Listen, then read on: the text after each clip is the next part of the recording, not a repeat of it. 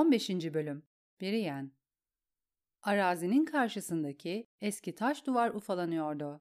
Ama görüntüsü Biriyen'in tüylerini diken diken etti. Okçuların gizlendiği ve zavallı Sir Claes Frey'i katlettiği yer burasıydı, diye düşündü Brienne. Ama yarım mil sonra ilk gördüğüne çok benzeyen başka bir duvarın önünden geçti ve emin olamadı. Tekerlek izleriyle dolu yol kıvrıldı. Kahverengi çıplak ağaçlar, Brienne'in hatırladığı yeşil ağaçlardan farklı göründü. Brienne, Sir Jaime'nin Clarice'ın kılıcını kınından çekip aldığı yeri geçmiş miydi? Brienne'in Jaime ile dövüştüğü orman neredeydi? Cesur dostları üstlerine çekene dek birbirlerine kılıç savurup su sıçrattıkları dere neredeydi? Lady'm, Sir. Podrick, Brienne'e nasıl hitap edeceğinden asla emin olamıyordu. Ne arıyorsunuz? Hayaletler. Bir zamanlar önünden geçtiğim bir duvarı. Önemli değil. O zamanlar Sir Jamie'nin iki eli vardı. Bütün o alaycı sözleri ve gülümsemeleriyle ondan nasıl da nefret ediyordum. Sessiz ol Podrick, ormanda hala haydutlar olabilir. Çocuk kahverengi çıplak ağaçlara, ıslak yapraklara ve ilerideki çamurlu yola baktı. Bir uzun kılıcım var, dövüşebilirim. Yeterince iyi dövüşemezsin. Brienne, çocuğun cesaretinden değil, eğitiminden şüphe ediyordu. Podrick bir yaver olabilirdi, en azından ismen. Fakat yaverliğini yaptığı adamın ona bir faydası dokunmamıştı.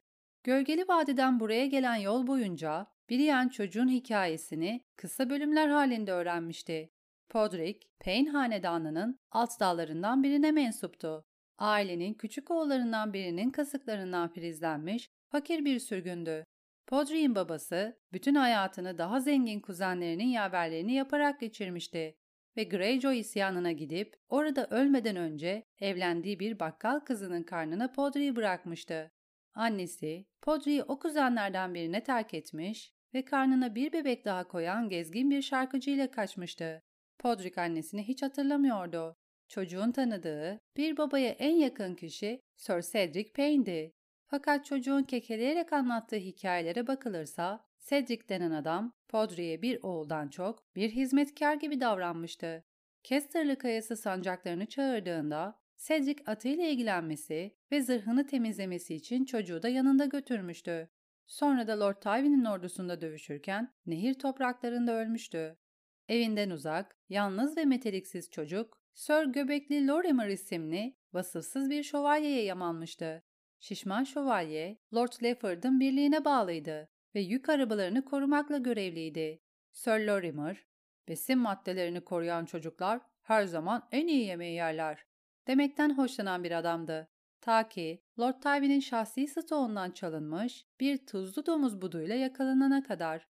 Tywin, diğer hırsızlara bir ders olsun diye şövalyeyi asmıştı. Podrick domuz budunu şövalyeyle paylaşmıştı. İpi de paylaşabilirdi ama soyadı onu kurtarmıştı. Sir Kevin Lannister, Podrick'in sorumluluğunu almış ve onu bir süre sonra yeğeni Tyrion'un yaverliğini yapmak üzere nehir topraklarına göndermişti. Sir Cedric çocuğa atların nasıl tımar edildiğini ve nalların taşlarının nasıl temizlendiğini, Sir Lorimer ise nasıl hırsızlık yapıldığını öğretmişti. Ama hiçbiri ona kılıç eğitimi vermemişti. İblis en azından kral topraklarına gittiklerinde çocuğu Kızılkale'nin silah ustasına göndermişti. Fakat Sir Aaron Sentagar ekmek isyanı sırasında öldürülmüştü ve bu Podrick'in eğitiminin sonu olmuştu. Brienne, Podrick'in yeteneğini ölçmek için ağaç dallarından iki ahşap kılıç yontmuştu. Çocuğun ellerinin deri kadar yavaş olmadığını öğrenmek onu memnun etmişti.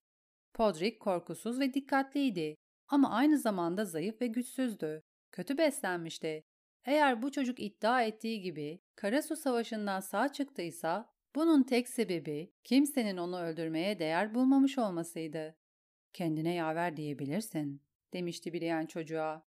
Ama ben senin yarı yaşında olan ve seni kanlı kanlı dövebilecek yaver çömezleri gördüm. Benimle kalırsan hemen hemen her gece ellerinde su kesecikleri ve kollarında morluklarla yatağa gidersin. Öyle tutulmuş ve ağrılı olursun ki neredeyse hiç uyuyamazsın. Bunu istemezsin. İsterim diye ısrar etmişti çocuk. Bunu isterim. Morlukları ve su keseciklerini. Yani istemem ama isterim. Sir, lady'm. Çocuk şu ana kadar sözüne sadık kalmıştı. Brienne de kendi sözüne sadık kalmıştı. Podrick şikayet etmiyordu. Kılıç elinde ne zaman yeni bir su kesici oluşsa, su toplayan yeri gururla Brienne gösteriyordu. Atlara iyi bakıyordu. Hala bir yaver değil, diye hatırlattı Brienne kendine. Ama ben de bir şövalye değilim. Bana kaç kere sör derse desin. Brienne onu kendi yoluna gönderebilirdi ama çocuğun gidecek bir yeri yoktu. Ayrıca Podrick, Sansa Stark'ın nereye gittiğini bilmediğini söylemiş olmasına rağmen fark ettiğinden daha fazla şey biliyor olabilirdi. Tesadüfen duyulmuş yarı hatırlanan birkaç söz, Brienne'in arayışının anahtarı olabilirdi. Sir, Lady'm, Podrick eliyle gösterdi. İleride bir araba var. Brienne gördü. Yüksek kenarlı, iki tekerlekli bir öküz arabası. Koşum kayışlarında bir kadın ve bir erkek vardı. Arabayı, yoldaki tekerlek izlerini takip ederek Bakire havuzuna doğru çekiyorlardı. Görünüşlerine bakılırsa çiftçiler. Şimdi yavaş, dedi Brienne Podri'ye. Bizi haydut zannedebilirler. Söylemen gerekenden fazlasını söyleme ve nazik ol. Olurum sir, nazik olurum, lady'm. Çocuk, bir haydut zannedilme fikrinden hoşlanmış gibi görünüyordu. Brienne ve Podrick atlarını tırıs koşturarak ilerlerken çiftçiler temkinli gözlerle onları izlediler. Fakat Brienne amaçlarına zarar vermek olmadığını açıkça anlattığında Brienne'in yanlarında at sürmesine izin verdiler. Yabani otlarla kaplı tarlalardan, yumuşak çamur göllerinden ve kararmış ağaçların arasından geçerek yol alırlarken ''Eskiden bir öküzümüz vardı.'' dedi yaşlı adam. Arabayı çekerken harcadığı güç yüzünden yüzü kızarmıştı. Kızımızı da aldılar ve ona istedikleri her şeyi yaptılar. Gölgeli Vadideki savaş bittiğinde kızımız geri döndü. Öküz dönmedi. Sanırım onu kurtlar yedi. Kadının ekleyecek bir şeyi yoktu. Adamdan en az 20 yaş küçüktü. Hiç konuşmadı ve bir yene, iki başlı bir danaya bakarmış gibi bakmaktan başka bir şey yapmadı. Tart bakiresi bu çeşit gözleri daha önce de görmüştü. Lady Stark ona nazik davranmıştı. Ama kadınların çoğu erkekler kadar zalimdi. Brienne hangisinin daha incitici olduğunu söyleyemezdi.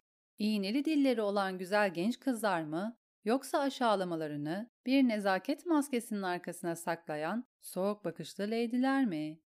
Son gördüğümde Bakire havuzu harabe halindeydi, dedi. Kapılar kırıktı ve kasabanın yarısı yanmıştı. Bir kısmını yeniden inşa ettiler. Şu Tarly sert bir adam ama Moot ondan daha cesur bir lord. Ormanlarda hala haydutlar var fakat eskisi kadar kalabalık değiller. Tarly en beter haydutları yakaladı ve o büyük kılıcıyla onların boyunu kısalttı. Yaşlı adam kafasını çevirip tükürdü. Yolda hiç haydut görmediniz mi? Hiç. Bu sefer değil. Gölgeli vadiden uzaklaştıkça yol daha ıssız bir hale gelmişti. Yoldaki hanlar ya yağmalanıp terk edilmiş ya da silahlı kamplara dönüştürülmüştü. Brienne ve Pot, yürümekten ayakları şişmiş 40 kadar takipçiyle birlikte güneye doğru giden sakallı, iri bir rahip ve onları görünce ormana girip kaybolan birkaç yolcudan başka insan görmemişlerdi. Dün Lord Randall'ın devriye birliklerinden birine rastlamışlardı. Uzun yaylar ve mızraklar taşıyan atlılar çevrelerini sarmıştı ve adamların kumandanı biri yeni sorgulamıştı. Ama neticede yola devam etmelerine izin vermişti. Dikkatli ol kadın, demişti kumandan. Karşılaşacağım bir sonraki adamlar benim delikanlılarım kadar dürüst olmayabilir. Tazı yüz haydutla birlikte üç dişli çatalı geçti. Karşılaştıkları her fahişeye tecavüz ettikleri ve kızların göğüslerini kesip yadigar olarak aldıkları söyleniyor. Brienne bu uyarıyı çiftçi adama ve karısına iletmek zorunda olduğunu hissetti. O anlatırken adam başıyla onayladı.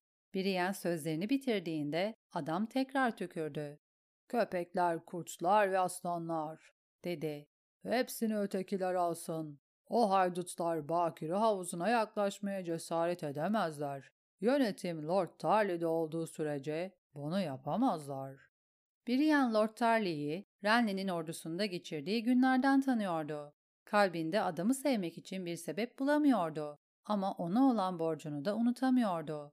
Tanrılar merhametliyse Lord orada olduğumu öğrenmeden bakire havuzunu geçeriz. Savaş bittiğinde kasaba Lord Mouton'a iade edilecek, dedi çiftçiye. Mouton kral tarafından affedildi. Affedildi? Yaşlı adam güldü. Ne için? Kalesinin içinde o kahrolası poposunun üstünde oturduğu için mi?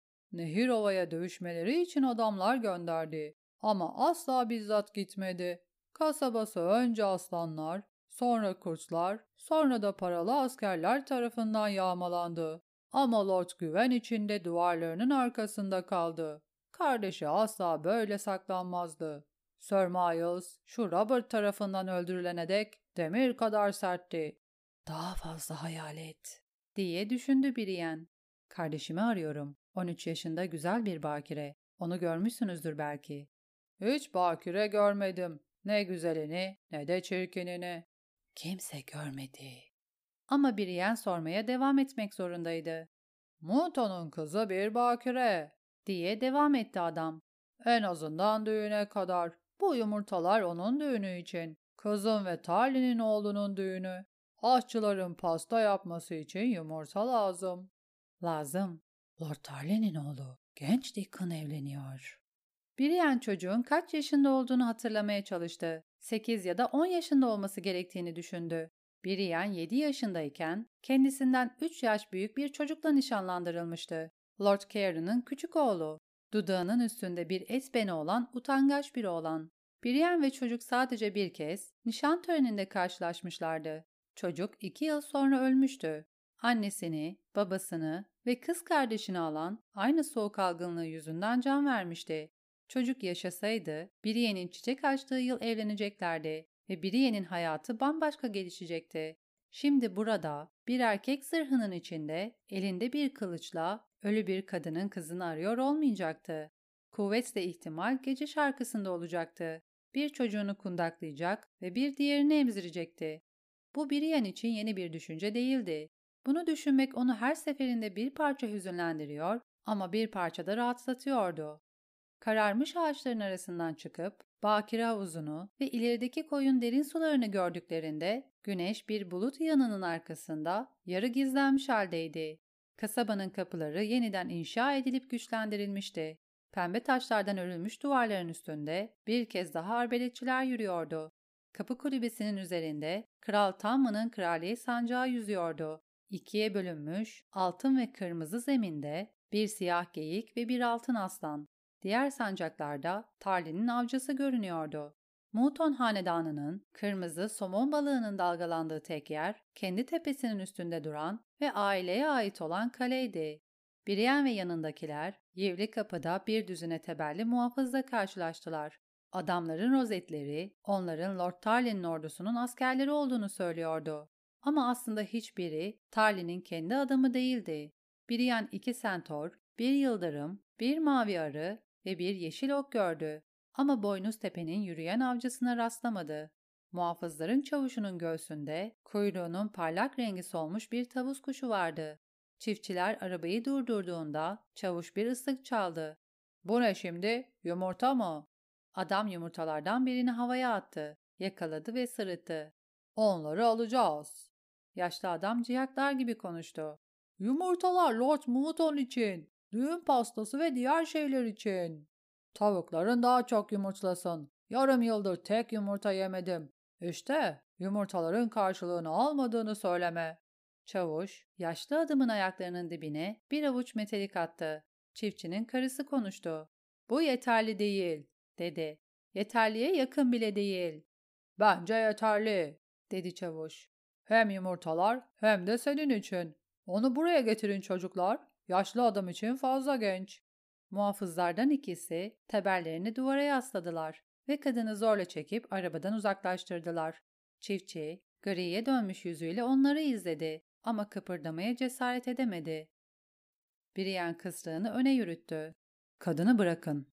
Brienne'in sesi muhafızları duraksattı. Çiftçinin karısı o esnada adamların elinden kurtuldu. Bu seni ilgilendirmez, dedi bir adam. Diline dikkat et fahişe. Brienne adamın söylediğini yapmak yerine kılıcını çekti. Şuna da bakın, dedi çavuş. Çıplak çelik, bir haydut kokusu alıyorum sanki. Lord Tarly'nin haydutlara ne yaptığını biliyor musun? Arabadan aldığı yumurta hala elindeydi. Eli kapandı ve parmaklarının arasından yumurtanın sarısı aktı. Lord Randall'ın haydutlara ne yaptığını biliyorum, dedi Brienne. Tecavüzcülere ne yaptığını da biliyorum. Bu ismin adamları korkutacağını ummuştu. Ama çavuş sadece parmaklarındaki yumurtayı silkeledi ve adamlarına yayılmaları için işaret verdi. Brienne kendini çelik uçlarla sarılmış halde buldu. ''Ne diyordun fahişe? Lord Tarly tecavüzcüleri?'' ''Hadım eder.'' diye bitirdi pes bir ses. ''Ya da sura gönderir. Bazen ikisini birden yapar. Hırsızların da parmaklarını keser.'' Kapı kulübesinden genç ve mahmur bir adam çıktı. Bir kılıç kemeri takmıştı. Çelik zırhının üstüne giydiği pelerin bir zamanlar beyazdı. Çimen lekelerinin ve kurumuş kanın altında hala beyaz olan birkaç yer vardı. Genç adamın göğsünde hanedanının arması görünüyordu. Öldürülmüş, bağlanmış ve bir kazığa asılmış kahverengi bir geyik. Oh! Adamın sesi Brienne'in midesine atılmış bir yumruktu ve yüzü bağırsaklarına sokulmuş bir bıçak. Sir Hyle, dedi Brienne. Geçmesine izin verseniz iyi olur çocuklar, dedi Sir Hyle Hunt.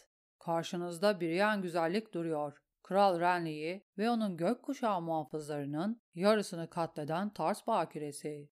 Çirkin olduğu kadar zalimdir ve ondan daha çirkin kimse yoktur.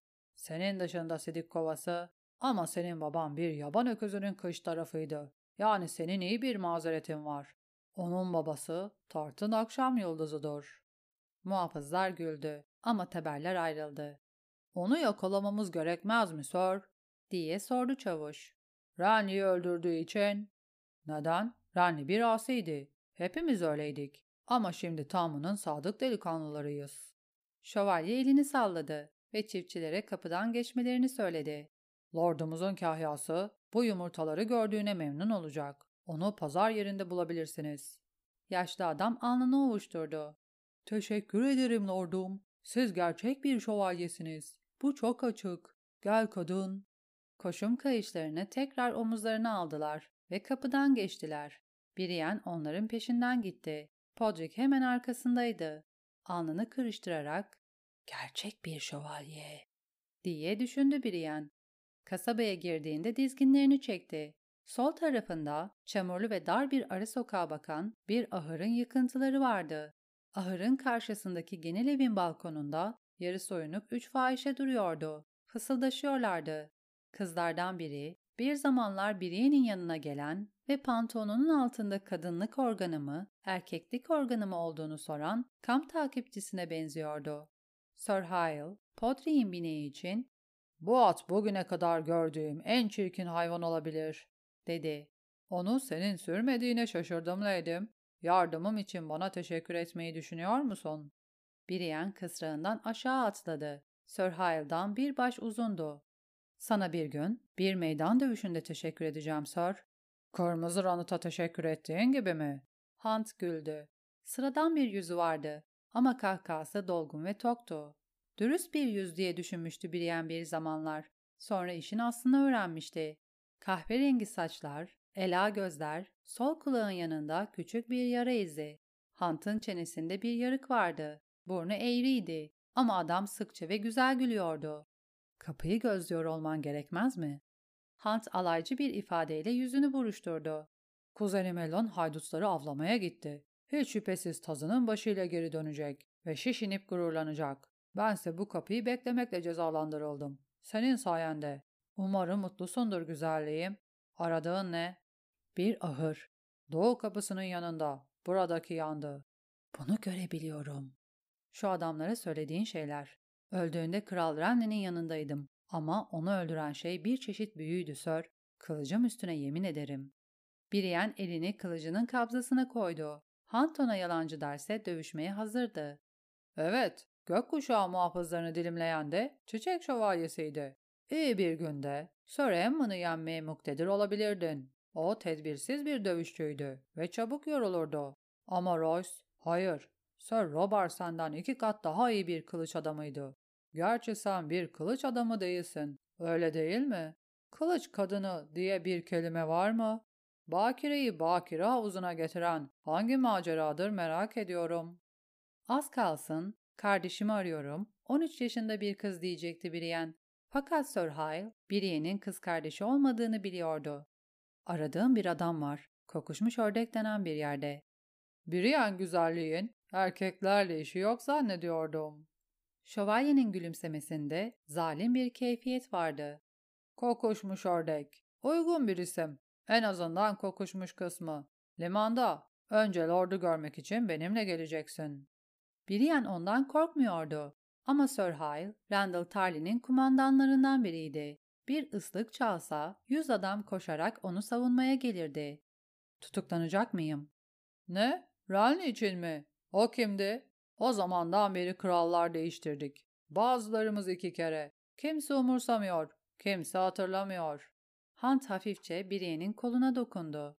Bu taraftan lütfen. Brienne geri çekildi. Bana dokunmazsan müteşekkir olurum. Sonunda bir teşekkür, dedi şövalye alaycı bir gülümsemeyle. Brienne, bakire havuzunu son gördüğünde kasaba boş caddelerden ve yanmış evlerden ibaret kasvetli bir yerdi. Şimdi caddeler domuzlarla ve çocuklarla doluydu. Yanmış binaların çoğu yıkılmıştı. Eskiden binaların olduğu arsaların bazılarına sebzeler ekilmişti. Diğerlerinin yerlerini de tüccarların ve şövalyelerin çadırları almıştı. Biriyen yeni evler inşa edildiğini gördü. Eski ahşap hanın yandığı yerde taştan bir han yükseliyordu. Kasaba septinin üstünde dam taşından yapılmış yeni bir çatı vardı. Serin sonbahar havası testere ve çekiç sesleriyle çınlıyordu. Erkekler caddeler boyunca keresteler taşıyordu.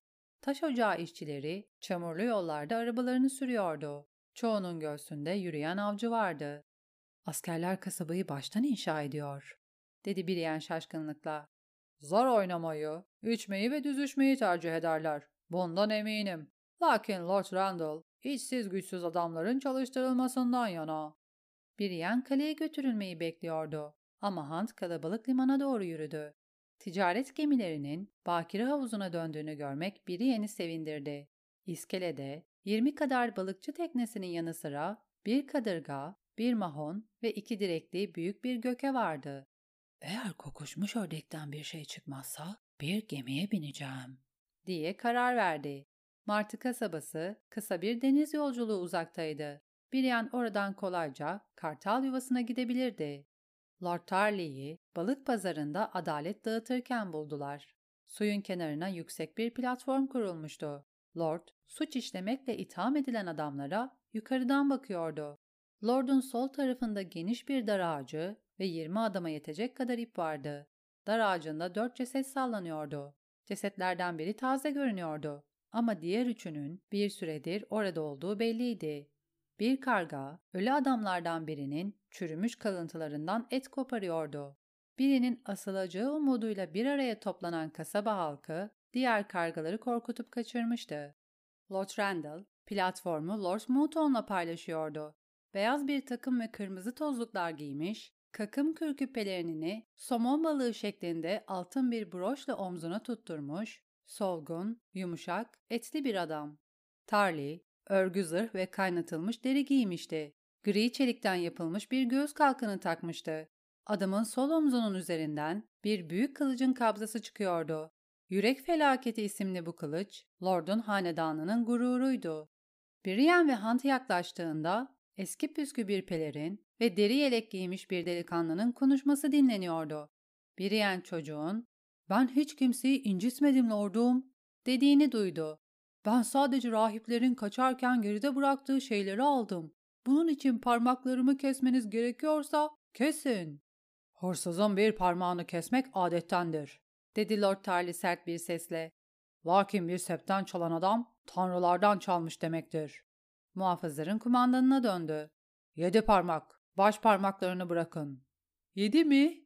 Hırsız sarardı. Muhafızlar tarafından kız kıvrak yakalandığında zayıf bir şekilde karşı koymaya çalıştı. Sanki çoktan sakat bırakılmıştı. Bir sonraki adam kullandığı una testere tozu katmakla suçlanan bir fırıncıydı. Lord Randall ona 50 gümüş geyik ödeme cezası verdi. Fırıncı o kadar çok gümüşü olmadığına dair yemin edince Lord eksik olan her gümüş için bir kamçı yiyebileceğini söyledi. Fırıncının ardından gri yüzlü zayıf bir fahişe geldi. Dört tarla askerine frengi bulaştırmakla suçlanıyordu. Tarly, mahrem yerlerini çamaşır sodasıyla yıkayın ve onu bir zindana atın diye emretti. Fahişe hıçkırıklar içinde sürüklenerek götürülürken Lord Tarly kalabalığın içinde Podrick ve Sir Hylan arasında duran biri yeni fark etti. Adamın kaşları çatıldı. Ama gözleri biri yeni tanıdığına dair tek şey ifşa etmedi. Daha sonra limandaki mahondan bir denizci geldi. Ondan davacı olan adam Lord Mouton'un garnizonundan bir okçuydu. Adamın eli sargılıydı ve göğsünde bir somon balığı vardı. Eğer lordumu memnun edecekse bu piç bir hançerle elimi kesti. Zar oyununda hile yaptığımı söyledi. Lord Tarley bakışlarını Brienne'den çekip önünde duran adamı inceledi. Yapıyor muydun? Hayır lordum, ben asla hile yapmam. Hırsızlık için bir parmak alırım ama bana yalan söyle ve seni asayım. Şu zarları görebilir miyim? Zarlar? Okçu Muğton'a baktı ama adam balıkçı teknelerini seyrediyordu. Okçu yutkundu. Ben, o zarlar bana şans getiriyordu. Bu doğru ama ben... Tarly yeterince duymuştu. Küçük parmağını kesin. Hangi eli olacağına kendisi karar verebilir. Diğerinin avucuna bir çivi çakın. Ayağa kalktı. İşimiz bitti. Geri kalanları tekrar zindana götürün. Onlarla yarın sabah ilgileneceğim. Sir Hail'i çağırmak için döndü. Brienne şövalyeyi takip etti. Kendini tekrar sekiz yaşındaymış gibi hissediyordu. Leydim, bu, onuru, neye borçluyuz? Ben birini aramak için gönderildim. Adı, Brienne duraksadı. Adını bilmediğiniz birini nasıl bulacaksınız? Lord Renly'i öldürdünüz mü? Hayır. Tarly kelimeyi tarttı. Beni yargılıyor. Diğerini yargıladığı gibi. Öldürmediniz, dedi sonunda. Sadece ölmesine izin verdiniz. Renly, Brienne'in kollarında ölmüştü. Brienne genç kralın kanıyla ıslanmıştı. Geri çekildi. Büyüydü. Ben asla. Siz asla. Adamın sesi kamçı gibiydi. Evet, siz asla bir zırh kuşanmamalıydınız. Babanızın kalesinden asla ayrılmamalıydınız. Bu bir savaş, hasat şenliği değil. Bütün tanrıların huzurunda sizi bir gemiye bindirip tarta geri göndermeliyim. Bunu yaparsanız krala cevap verirsiniz. Brienne sesinin korkusuz çıkmasını istemişti ama tiz bir sesle küçük bir kız gibi konuşmuştu. Podrick, heybemde bir parşömen var. Onu lordumuza götür. Tarly mektubu aldı. Kaşlarını çatarak okudu. Okurken dudakları hareket etti. Kural işi. Ne çeşit bir iş? Bana yalan söyle ve seni asayım. Sa Sansa Stark. Stark kızı burada olsaydı bilirdim. Bahse girerim ki babasının sancak beylerinden birine sığmak umuduyla kuzeye döndü. Doğru adamı seçse iyi eder. Kuzey yerine vadiye gitmiş olabilir. Deyiverdi Brienne. Teyzesine. Lord Randall Brienne'e aşağılayıcı bir bakış attı. Lady Lysa öldü. Bir şarkıcı onu dağdan aşağı itti. Kartal yuvası şimdi serçe parmağın elinde. Uzun zaman için değil gerçi. Vadi lordları tek yeteneği bakır saymak olan evcil bir maymunun önünde diz çökecek türden adamlar değil. Mektubu Brienne'e geri verdi. İstediğiniz yere gidin ve ne arzu ediyorsanız onu yapın. Lakin tecavüze uğradığınızda adalet aramak için bana gelmeyin. Bunu aptallığınızla kazanmış olacaksınız. Sir Hyle'e baktı. Ve siz Sir, kapıda olmalısınız. Kapının komutasını size verdim, öyle değil mi? Verdiniz lordum, dedi Highland. Fakat düşündüm ki, fazla düşünüyorsunuz. Lord Tarly uzaklaştı. Lysa Tully öldü. Brienne elindeki kıymetli parşömenle dar ağacının altında durdu. Kalabalık dağıldı ve kargalar ziyafetlerine kaldıkları yerden devam etmek üzere geri döndü. Bir şarkıcı onu dağdan attı. Kargalar, Lady Catelyn'in kardeşinin cesedini de yemiş miydi? Kokuşmuş ördekten bahsetmiştin Lady'm, dedi Sir Hyle. Yerini göstermemi istersen. Kapına dön. Şövalyenin yüzünden öfkeli bir ifade geçti. Eğer arzun buysa. Bu. Zaman geçirmek için oynadığımız bir oyundu sadece. Amacımız zarar vermek değildi. Şövalye duraksadı. Ben öldü, biliyorsun. Karasu'da katledildi. Ferro ve Leylek Will de öyle. Mark Mulendor kolunun yarısına mal olan bir yara aldı. Güzel demek istedi Brienne. Güzel, bunu hak etmişti. Ama örgü zırhının içinde, omzunda maymunuyla, çadırının dışında oturan Mulendor'u hatırladı. Birbirlerine komik suratlar yapıyorlardı.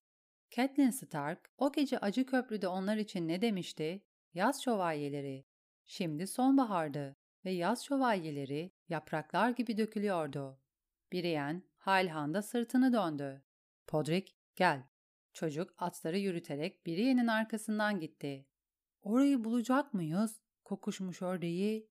Ben bulacağım. Sen doğu kapısındaki ahıra gidiyorsun. Seyis yamağına geceyi geçirebileceğimiz bir han olup olmadığını sor. Sorarım sir, lady'm. Podrick yürürken yere bakıyordu. Ara sıra taşları tekmeliyordu. Nerede olduğunu biliyor musunuz? Ördeğin. Yani kokuşmuş ördeğin. Hayır. Bize göstereceğini söyledi. Şu şövalye. Sir Kyle. Hyle. Hyle. O size ne yaptı sir? Yani lady'm. Oğlan kekemi olabilir ama aptal değil. Kral Renly sancaklarını çağırdığında yüksek bahçede bazı adamlar benimle bir oyun oynadı. Sir Hyle onlardan biriydi. Zalim, incitici ve namert bir oyundu. Biri yan durdu. Doğu kapısı şu tarafta. Beni orada bekle. Nasıl isterseniz leydim, sir. Kokuşmuş ördeğin bir tabelası yoktu. Bir hayvan leşi toplayıcısının ağılının altındaki ahşap basamakları bulmak Biriyen'in bir saatini aldı. Mahzen loştu ve tavan alçaktı. Biriyen içeri girerken başını bir kirişe çarptı. Görünürde hiç ördek yoktu. Etrafa birkaç tabure saçılmıştı ve toprak duvara bir sıra dayanmıştı. Masalar kurtçuk delikleriyle dolu eski şarap fıçılarıydı. Vaat edilen koku her şeyi sinmişti. Biriye'nin burnu kokunun çoğunlukla şarap, rutubet ve küf olduğunu söylüyordu.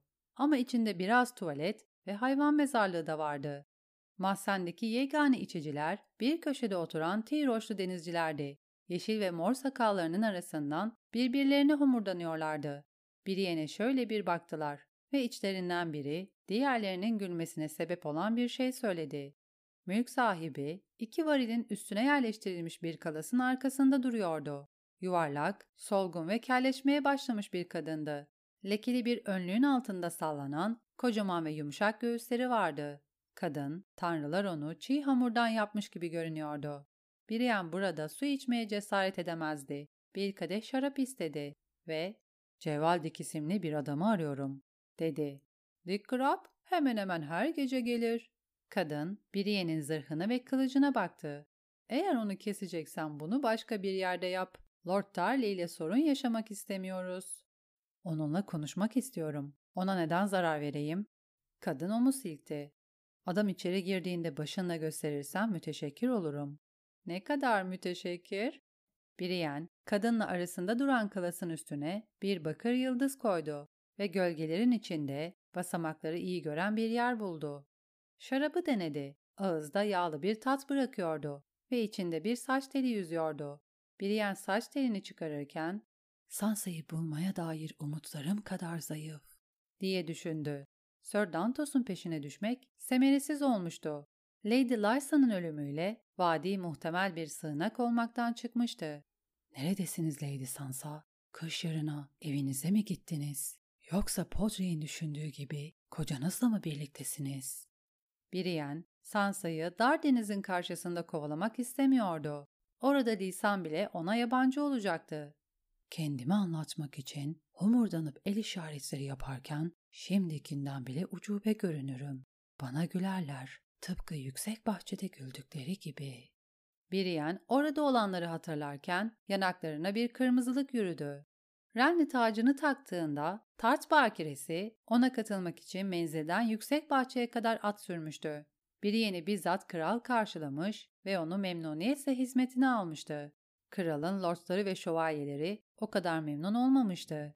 Biriyen sıcak bir karşılama beklemiyordu. Soğukluğa, alaylara ve düşmanlığa karşı hazırlıklıydı. Bunlarla daha önce de karşılaşmıştı. Onu kafası karışık ve savunmasız halde bırakan şey aşağılanmak değil, bazı adamların gösterdiği nezaketti. Tart bakiresi daha önce üç kez nişanlanmıştı. Ama yüksek bahçeye gelene kadar kimse ona kur yapmamıştı. Kur yapan ilk kişi kıllı büyük bendi. Renly'nin kampında Brienne'den daha uzun olan birkaç adamdan biri. Ben, Brienne'in zırhını temizlemesi için yaverini göndermiş ve ona gümüş bir içki kupası hediye etmişti. Sir Edmund Ambrose, biri yeni çiçekler getirerek ve birlikte at sürmeyi teklif ederek benim bir adım önüne geçmişti. Sir Highland iki adımı da geride bırakmıştı. Brienne yüzlerce şövalyelik hikayesiyle ve fevkalade resimlerle dolu bir kitap vermişti. Brienne'in atları için elmalar ve havuçlar, miğferi için de mavi bir tüy getirmişti. Ona kamp dedikoduları anlatmıştı.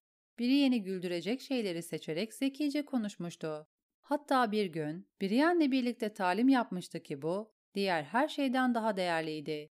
Brienne, diğer adamların ona nazik davranmaya başlamasının sebebinin Sir Hal olduğunu düşünmüştü. Nazikten de öte. Adamlar masada onun yanında oturmak için mücadele etmişti.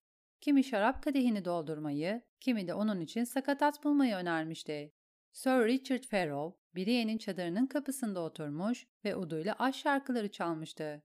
Sir Hugh Bisbury, tartın bakiyeleri kadar tatlı bir çanak bal getirmişti.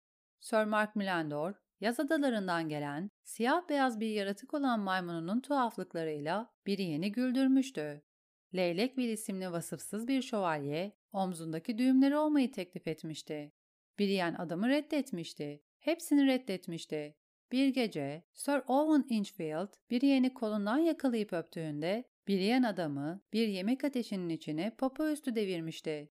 Daha sonra bir aynada kendine bakmıştı. Yüzü her zaman olduğu kadar geniş ve çilliydi. Dişleri öne çıkıktı. Dudakları büyüktü. Çenesi kalındı. Çok çirkindi. Brienne'in tek istediği bir şövalye olmak ve Kral Renly'e hizmet etmekti. Ama şimdi... Üstelik kamptaki tek kadın Brienne değildi. Kamp takipçileri bile ondan daha güzeldi. Ve Lord Tyrell, Kral Renly'yi her gece kalede ağırlıyordu. Soylu bakireler ve güzel leydiler, flütün, borunun ve arpa müziğiyle dans ediyordu. Yabancı bir şövalye ona ne zaman iltifat etse bana neden nazik davranıyorsunuz diye çığlık atmak istiyordu Brienne. Ne istiyorsunuz? Bu muammayı biri yeni çadırına çağırtmak için iki silahlı asker gönderdiği gün Randall Tarly çözmüştü. Lord'un genç oğlu Dickon bir yandan atlarına yerlerken bir yandan gülen dört şövalyenin konuşmalarını duymuş ve adamların söylediklerini babasına anlatmıştı. Adamlar bir bahse girmişti. Lord Brienne bu oyunu üç genç şövalyenin başlattığını söylemişti. Ambrose, Caliban ve Highland. Bunlar Lord'un kendi şövalyeleriydi. Fakat bahsin dedikodusu kampa yayıldıkça diğer adamlar da oyuna katılmıştı. Yarışmaya girmek isteyen her adam bir altın ejderha ödemek zorundaydı. Toplanan altınlar Brienne'in bekaretini kim alırsa ona gidecekti. Eğlencelerine bir son verdim, demişti Tarly. Bu, yarışmacıların bazıları diğerlerinden daha az onur sahibi. Bahis her gün biraz daha büyüyordu ve adamlardan birinin ödülü zorla almaya karar vermesi an meselesiydi. Onlar şövalye, demişti Brienne sersemlemiş bir halde. Kutsanmış şövalyeler.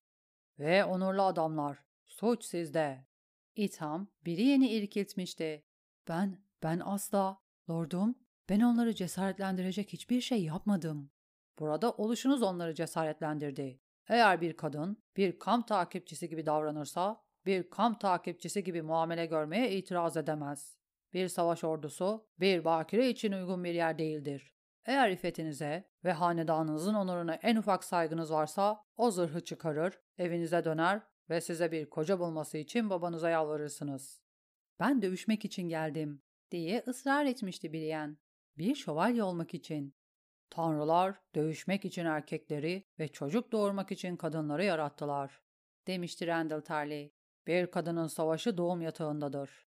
Biri mahzenin basamaklarından aşağı iniyordu. Keskin yüz atları ve kahverengi kirli saçları olan hırpani ve cılız bir adam ördeğe girerken Brian şarabını kenara bıraktı.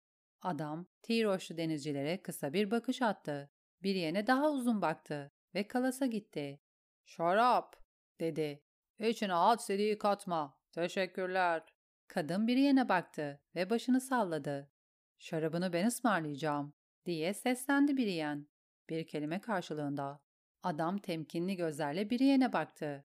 Bir kelime? Ben bir sürü kelime biliyorum. Biriyen'in karşısındaki tabureye oturdu. Ledim hangi kelimeyi duymak istediğini söylesin ve cevvaldik konuşsun. Bir soytarıyı soytarı ettiğini duydum. Hırpani adam şarabını yudumladı. Düşünüyor gibiydi. Yapmış olabilirim, yapmamış da olabilirim. Adamın giydiği soluk renkli yırtık takımın göğsünden bir lordun arması sökülmüştü. Bilmek isteyen kim? Kral Robert. Brienne, adamla arasındaki varilin üstüne bir gümüş geyik koydu. Sikkenin bir yüzünde Robert'ın kafası, diğer yüzünde bir geyik vardı. Öyle mi? Adam gülümseyerek sikkeyi aldı, döndürdü. Bir kralı dans ederken görmek isterim. Hey nana, hey nana, hey nana, hey. Şu senin soytarıyı görmüş olabilirim. Yanında bir kız var mıydı? Adam bir çırpıda, iki kız, dedi. İki kız? Diğeri Arya olabilir mi? Pekala, dedi adam.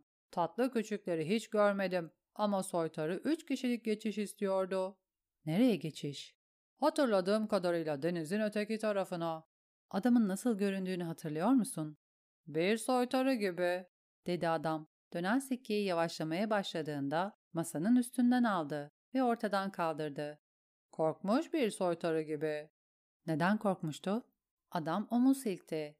Söylemedi ama Cevvaldik korkunun kokusunu tanır. Hemen hemen her gece buraya geldi. Denizcilere içki ısmarladı. Şakalar yaptı. Küçük şarkılar söyledi. Ancak bir gece göğüslerinde şu avcı arması olan adamlar geldi. Senin soytarı süt beyazı kesildi ve adamlar gidene kadar hiç ses çıkarmadı. Cevvaldik taburesini bir yene yaklaştırdı. Tarih limana adamlar yerleştirdi. Gelip giden bütün gemileri gözlüyorlar. Eğer bir adam geyik istiyorsa ormana, gemi istiyorsa limana gider. Senin soytarı cesaret edemedi. Ben de ona biraz yardım önerdim. Ne tür bir yardım? Bir gümüş geyikten fazlasına mal olan türden bir yardım. Anlatırsan bir tane daha alırsın. Önce görelim, dedi adam. Biriyen varilin üstüne bir geyik daha koydu. Adam gülümsedi. Sikkeyi döndürdü. Avucunun içine aldı. Bir adam gemilere gidemiyorsa gemilerin ona gelmesi gerekir. Ona böyle bir yer bildiğimi söyledim. Gizli bir yer gibi. Biriye'nin kolları ürperdi. Bir kaçakçı körfezi. Soytarıyı kaçakçılara gönderdin. Onu ve iki kızı. Adam kıkırdadı. Yalnız pekala. Onları gönderdiğim yerde bir süredir hiç gemi yok. Otuz yıldır diyebiliriz. Burnunu kaşıdı. Bu soytarının senin için ne önemi var? O kızlar benim kardeşlerim. Öyle mi? Zavallı küçük şeyler. Bir zamanlar benim de bir kız kardeşim vardı. Tokmak gibi dizleri olan cılız bir kızdı. Ama sonra göğüsleri çıktı ve bacaklarının arasına bir şövalyenin oğlu girdi. Onu son gördüğümde hayatını yatarak kazanmak üzere kral topraklarına gidiyordu. Onları nereye gönderdin? Adam tekrar omuz silkti. İşte bunu hatırlamıyorum. Nereye? Biri yan masaya bir gümüş geyik daha koydu. Adam işaret parmağıyla sikkeyi bir yene fırlattı. Hiçbir geyiğin asla bulamayacağı bir yere. Ama bir ejderha bulabilir. Gümüş ondan gerçeği alamayacak. Diye düşündü Biriyen. Altın alabilir. Belki de alamaz. Çelik daha kesin olurdu. Biriyen hançerine dokundu. Sonra onun yerine kesesine uzandı. Bir altın ejderha buldu ve sikkeyi varilin üstüne koydu. Nereye? Hırpani adam sikkeyi aldı ve ısırdı. Tatlı, bana kırık pençe burnunu hatırlattı. Buranın kuzeyinde, tepelerle ve bataklıklarla dolu vahşi bir arazidir. Gel gör ki ben orada doğdum ve büyüdüm. Benim adım Dick Crab ama bana Cevval Dick derler. Biriyen kendi adını söylemedi. Kırık pençe burnunda nereye? Fısıltılar. Clarence Crab'i duymuşsundur. Hayır. Bu cevap adamı şaşırtmış gibiydi. Sir Clarence Crab dedim. Bende onun kanı var. İki buçuk metre boyundaydı. O kadar kuvvetliydi ki bir çam ağacını tek eliyle kökünden söküp yarım mil uzağa fırlatabilirdi. Hiçbir at onun ağırlığını taşıyamazdı. Bu yüzden Clarence bir yaban öküzü sürerdi. Onun şu kaçakçı körpeziyle ne ilgisi var? Karısı bir orman cadısıydı. Sir Clarence ne zaman bir adam öldürse adamın başını eve götürürdü ve karısı o başın dudaklarını öpüp onu hayata geri döndürürdü. Onlar lordslardı, büyücülerdi, meşhur şövalyeler ve korsanlardı. Biri de Gölgeli Vadi kralıydı. Yaşlı krebe iyi tavsiyeler verdi. Sadece baştan ibaret oldukları için yüksek sesle konuşamazlardı. Ama aynı zamanda asla susmazlardı. Yalnızca bir baştan ibaret olduğunda günü geçirmek için yapabileceğin tek şey konuşmak. Böylece Krab'ın küçük kalesi Fısıltılar adını aldı. Adı hala aynı. Lakin binlerce yıldır harabe halinde. Issız bir yer fısıltılar. Adam sikkeyi parmaklarının arasında ustaca hareket ettirdi. Tek başına bir ejderha kendini yalnız hisseder ama on tanesi... On ejderha bir servet eder. Beni aptal mı sandın?